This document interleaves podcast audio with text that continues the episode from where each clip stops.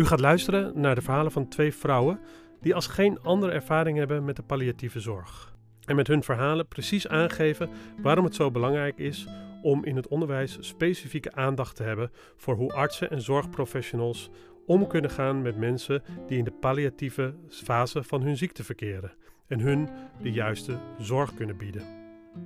Alvorens hun verhalen te delen, stellen deze vrouwen zichzelf graag even aan u voor.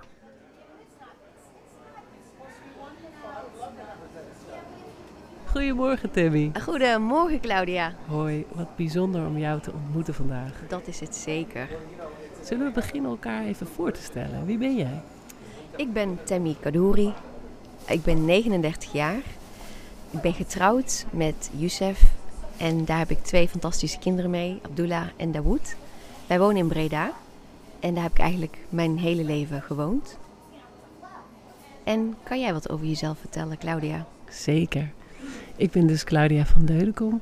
Ik ben 50 jaar. Daar ben ik ontzettend blij mee, in tegenstelling tot heel veel andere mensen, denk ik. Ik woon samen met mijn lieve vriendin en onze vijf kinderen. Ik heb zelf een tweeling van elf en mijn vriendin heeft drie kinderen. En ik woon in Weesp. Het is niet voor niets dat we elkaar vandaag ontmoeten. Dat heeft, wij delen iets. Wil jij beginnen, Tammy? Dat is goed. Ik vind het belangrijk om mijn reis te delen. Dus uh, ik ga van start. Op 23 april 2015 ben ik bevallen van mijn tweede zoon Dawood. Tijdens het geven van borstvoeding merkte ik dat er een knobbel in mijn linkerborst zat die maar niet wegging. Mijn huisarts zei dat het waarschijnlijk niks was, maar verwees me voor de zekerheid door naar het ziekenhuis voor verder onderzoek. Daar aangekomen begon de ochtend met een gesprek met een verpleegkundig specialist. Zij stuurde me door naar de radioloog voor een echo. De radioloog stelde me gerust en zei dat borstkanker op mijn leeftijd, ik was toen 31 jaar oud, niet vaak voorkwam. Ook viel ik niet in de risicocategorie en omdat ik borstvoeding gaf, zouden het waarschijnlijk verstopte borstklieren zijn. Ik werd naar huis gestuurd en als de knobbel er na zes maanden nog zat, kon ik terugkomen voor verder onderzoek. In oktober 2015 was de knobbel nog niet weg. Ik maakte me nog steeds zorgen. Ik belde het ziekenhuis om een afspraak te maken, maar ik kreeg te horen dat het niet kon. Dat ik pas in december terug mocht komen. In het systeem stond namelijk over zes maanden. Ondanks dat de knobbel niet weg was en ik duidelijk mijn zorgen uitte, kreeg ik het niet voor elkaar om een afspraak te krijgen. Op 16 december 2015 ging ik dan weer voor een onderzoek. Toevallig door dezelfde radioloog. Tijdens het maken van de echo vroeg hij me waarom er zes maanden geleden geen punctie was gedaan. Waarop mijn antwoord was: Maar dat vond u toen niet nodig. Hij was even stil. Ik kan je vertellen, zei hij, dat het een tumor is. We gaan een punctie nemen en over een paar dagen weten we of het goed of slechtaardig is. Ik voelde tranen branden. Ik was verdoofd, boos en met stomheid geslagen. Er gingen allerlei gedachten en vragen door me heen. In 2015 ging ik terug naar het ziekenhuis. We werden naar binnen geroepen door de chirurg. En nog voordat ik goed in de stoel zat, zei de arts: Je hebt kanker. Wat daarna nog gezegd is, ik heb geen flauw idee. Het enige wat ik me kan herinneren is dat ik in de auto ben gestapt. Meer weet ik niet. De dagen erna zijn veel mensen langs geweest en bij me gebleven. Hoeveel medeleven en liefde ze ook gaven. Ik heb me nooit zo alleen gevoeld. Er volgden nog veel onderzoeken en gesprekken, maar het voelde niet meer goed voor mij. Het vertrouwen was weg. Ik ben toen overgestapt naar een ander ziekenhuis en daar werden de onderzoeken opnieuw gedaan. Het advies was direct een borstamputatie, gevolgd door chemotherapie, een vorm van immuuntherapie en hormoontherapie. Ik heb dit advies toen getoetst met een second opinion in Duitsland. In Duitsland werd me verteld dat een amputatie niet nodig was. Het was mogelijk borstbesparend te opereren en de prognoses zouden hetzelfde blijven. Mijn voorkeur was natuurlijk om borstbesparend geopereerd te worden. Mijn chirurg en oncoloog vonden van niet. Ik begreep niet waarom ze bij hun advies bleven, dus bleef ik vragen stellen. Uiteindelijk bleken ze er geen ervaring in te hebben en het daarom niet aan te bieden. Dit gesprek heeft me niet onbewogen gelaten. Ik dacht, hoe kan dit? Ze verminken en traumatiseren vrouwen dus liever dan dat ze die doorverwijzen naar een ander ziekenhuis? Op dat moment besefte ik dat ik artsen niet blind kon vertrouwen. Ze hadden niet het beste met mij voor en die conclusie was erg bitter. Uiteindelijk heb ik me in het Antonie van Leeuwenhoek ziekenhuis laten behandelen. Dat ziekenhuis was het eens met het advies gegeven in Duitsland en zij bevestigde ook dat het niets uitmaakte in de prognose. Maar het is natuurlijk wel een wereld van verschil voor de vrouw die het moet ondergaan en dat zou het uitgangspunt moeten zijn. De mens achter de patiënt zou meer gezien moeten worden en de behandeling zou vanuit dat perspectief moeten worden opgesteld. In 2017 waren mijn behandelingen eindelijk klaar en begon ik weer te werken. Ik begon weer te leven en had het gevoel niet meer mee te doen voor spek en bonen. In 2019 begon ik echt last te krijgen van mijn onderrug, maar ik wuifde het weg. Uiteindelijk was de pijn niet meer te houden. De huisarts zag het al op de manier waarop ik opstond en naar zijn kamer liep. Een röntgenfoto volgde en dezelfde dag nog kreeg ik het slechte nieuws van de uitzaaiingen te horen. Mijn oncoloog was intussen gestopt met het zien van patiënten en ik kreeg een andere oncoloog toegewezen. Helaas was er geen connectie en band met haar en wilde ze mij behandelingen geven waar ik niet achter stond. Ik voelde me niet gezien of gehoord. Zo wilde ik bijvoorbeeld geen chemo meer, omdat ik daar slecht tegen kon en omdat ik er niet meer in geloofde. Nou, probeer dat maar aan een oncoloog uit te leggen. Mijn mening, mijn ervaring, mijn gevoel deden er niet toe. Er werd ook ingespeeld op mijn angst en onzekerheid. En zelfs mijn kinderen kwamen erbij. Dat vond ik erg gemeen en moeilijk. Het ging zelfs zo ver dat ze mij andere behandelingen dreigden te ontnemen als ik geen chemo nam. Er was totaal geen gelijkwaardigheid, geen connectie, geen empathie, geen begrip. Iets waar ik op dat moment juist zoveel behoefte aan had. Elk gesprek voelde als een gevecht. Uiteindelijk stelde zij zelf voor dat ik een andere oncoloog toegewezen zou krijgen. Dat was het eerste punt waar we het over eens waren.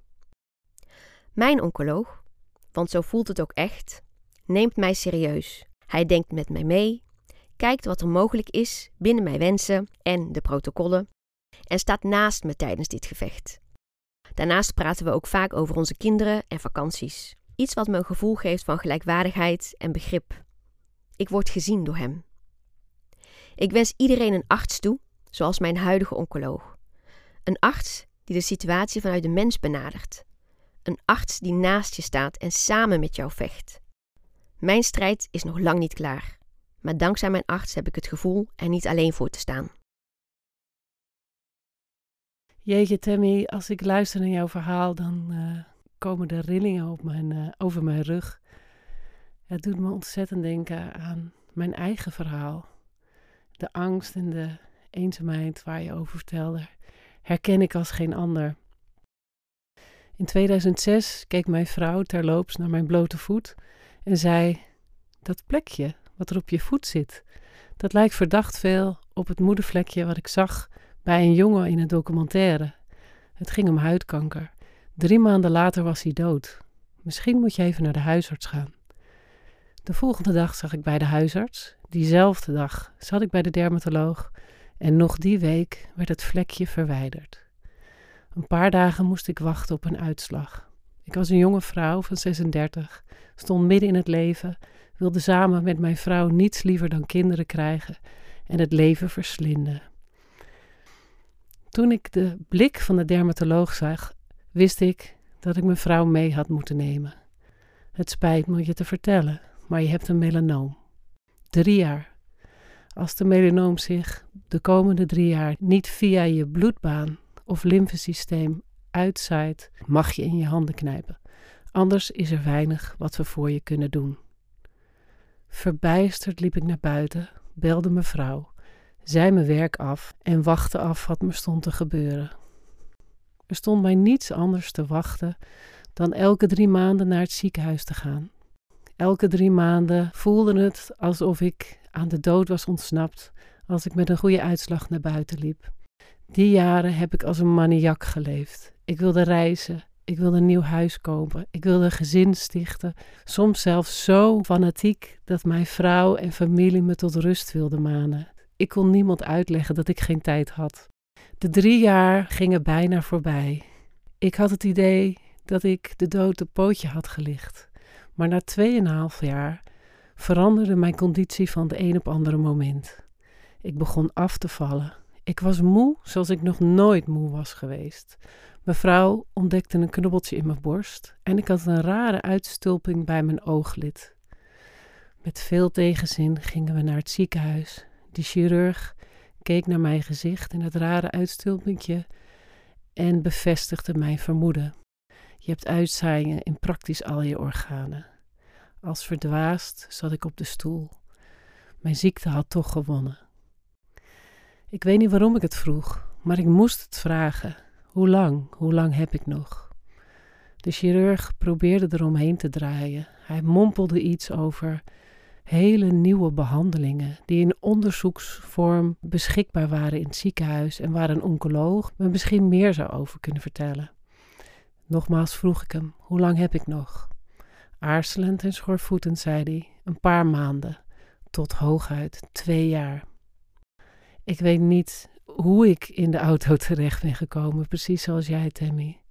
Maar ik wist wel op het moment dat ik het ziekenhuis verliet, dat ik mijn laatste, allerlaatste dagen met zoveel mogelijk liefde en levensvreugde wilde doorbrengen. De weken die volgden gingen aan ons voorbij als een roes. Aan de ene kant was ik afscheid aan het nemen, aan de andere kant probeerde ik door te leven. Ik maakte kennis met mijn oncoloog, die vertelde dat palliatieve behandelingen de enige optie waren. Ik had nog nooit van de term gehoord. Hij vertelde over een nieuwe behandeling die de groei van de tumoren mogelijk iets zouden remmen.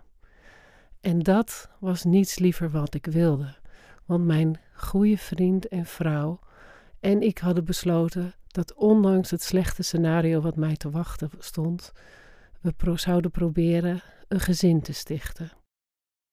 Langzaam maar zeker en met behulp van heel veel vrienden leerde ik de weg kennen in het ziekenhuis. Het was zo raar, die tumorfabriek, die efficiëntie. Het leek alsof ze een tumor zagen binnenwandelen. Ik was zo bang en ik wist dat als ik het hier zou moeten redden, dat ik vrienden zou moeten maken. Dat ik de mensen achter de artsen, de mensen achter de scans en in het lab zou moeten leren kennen. Ik deed er alles aan dat ze mij zouden zien als mens.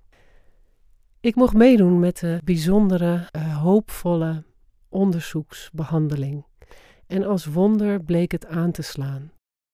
Maar mijn conditie was slecht. Ik had namelijk niet alleen kanker, ik had ook reuma reumatoïde artritis.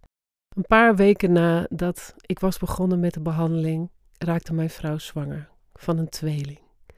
Ik had het nooit voor mogelijk gehouden, maar langzaam maar zeker wende mijn situatie. Iedereen was blij dat ons sprookje uit zou komen. Maar ik voelde me steeds eenzamer en alleen met het voldongen feit dat het einde steeds dichterbij kwam. Ik was getuige van de geboorte van mijn tweeling, Tom en Felix, de mooiste, gelukkigste dag uit mijn leven. Weer voelde ik hoe moeilijk het was om bij mensen terecht te komen over mijn angsten, over mijn einde, over aftakeling, over afscheid nemen. In het ziekenhuis waren ze zo enthousiast dat de onderzoeksbehandelingen zo goed aansloegen dat ze geen oog hadden voor mijn pijn. En thuis werd iedereen in beslag genomen door de groei en bloei van de tweeling. Na ruim twee jaar kreeg ik zo'n last van hoofdpijn. Ik vertelde het mijn oncoloog, hij maakte een scan. En op de scan was een tumor ter grootte van een sinaasappel te zien, met wat kleine vliebertjes. Weer was er totale chaos en ontreddering. Maar zelf dacht ik: zie je wel, ik had gelijk. Ik wilde afscheid nemen. Ik wilde praten met jullie over wat me te wachten stond. Maar toch had ik weer het geluk dat mijn oncoloog een mogelijkheid zag. Er was namelijk weer een nieuwe immunotherapie beschikbaar. Als de grote tumor operatief zou kunnen worden verwijderd, gaf dat misschien een mogelijkheid en zou dat mijn leven weer iets kunnen verlengen. Voor de operatie moest ik naar het ziekenhuis om de hoek. De neurochirurg begroette me als volgt: Ik zal u zelf niet behandelen. Het is simpelweg te eenvoudig voor mij. Mijn ondergeschikte zal u opereren. Ik wilde hem nog vertellen hoe bang ik was voor de operatie en voor de narcose, omdat ik daar zo slecht tegen kan. En hij verwees me naar de dienstdoende anesthesist. Thuis wachtte ik en ik schreef een brief. Aan degene die volgende week een gaatje in mijn hoofd gaat boren. Geachte heer of mevrouw. Volgende week word ik voor een hersenoperatie opgenomen op uw afdeling. Ik ben erg dankbaar dat de grote tumor operatief kan worden verwijderd. Vooral voor Tom en Felix, mijn twee zoontjes van anderhalf jaar oud, en voor mijn vrouw. Het is misschien een onbeleefde vraag, maar heeft u zelf kleine kinderen? En zou u zich kunnen voorstellen hoe u zich zou voelen als u in mijn situatie zou verkeren? Voor u is de operatie wellicht een routine kwestie. En misschien verklaart dat ook wel waarom ik zo weinig informatie heb gekregen. Behalve een intakegesprek met een afdelingshoofd heb ik kort contact gehad met een assistent van de anesthesist. Verder heb ik geen idee hoe en door wie de procedure wordt uitgevoerd. Vandaar mijn wellicht wat ongebruikelijke vraag. Zou u alstublieft niet willen vergeten dat ik een mens ben? Overigens, best een leuk mens, volgens velen. Ik ben niet bang voor de operatie, want bij u ben ik, ben ik vast in goede handen. Wel ben ik als de dood voor de narcose. Ik kan namelijk niet goed tegen opiaten. En ik wil zo snel mogelijk verder met nieuwe behandelingen, zodat ik misschien nog wat langer leef om voor mijn kinderen te zorgen. Daarom smeek ik u of u tijdens en na de operatie misschien extra op me wilt letten. Liefs, Claudia, 42 jaar. De hersenoperatie ging wonderwel goed. De neurochirurg behoedde zich over mij met de liefde die ik nodig had. Ze bedankte me voor de brief, waarvoor ik eigenlijk bang was dat ze me een standje zou geven. Want chirurgen moeten toch afstand behouden naar hun cliënt om hun werk te doen.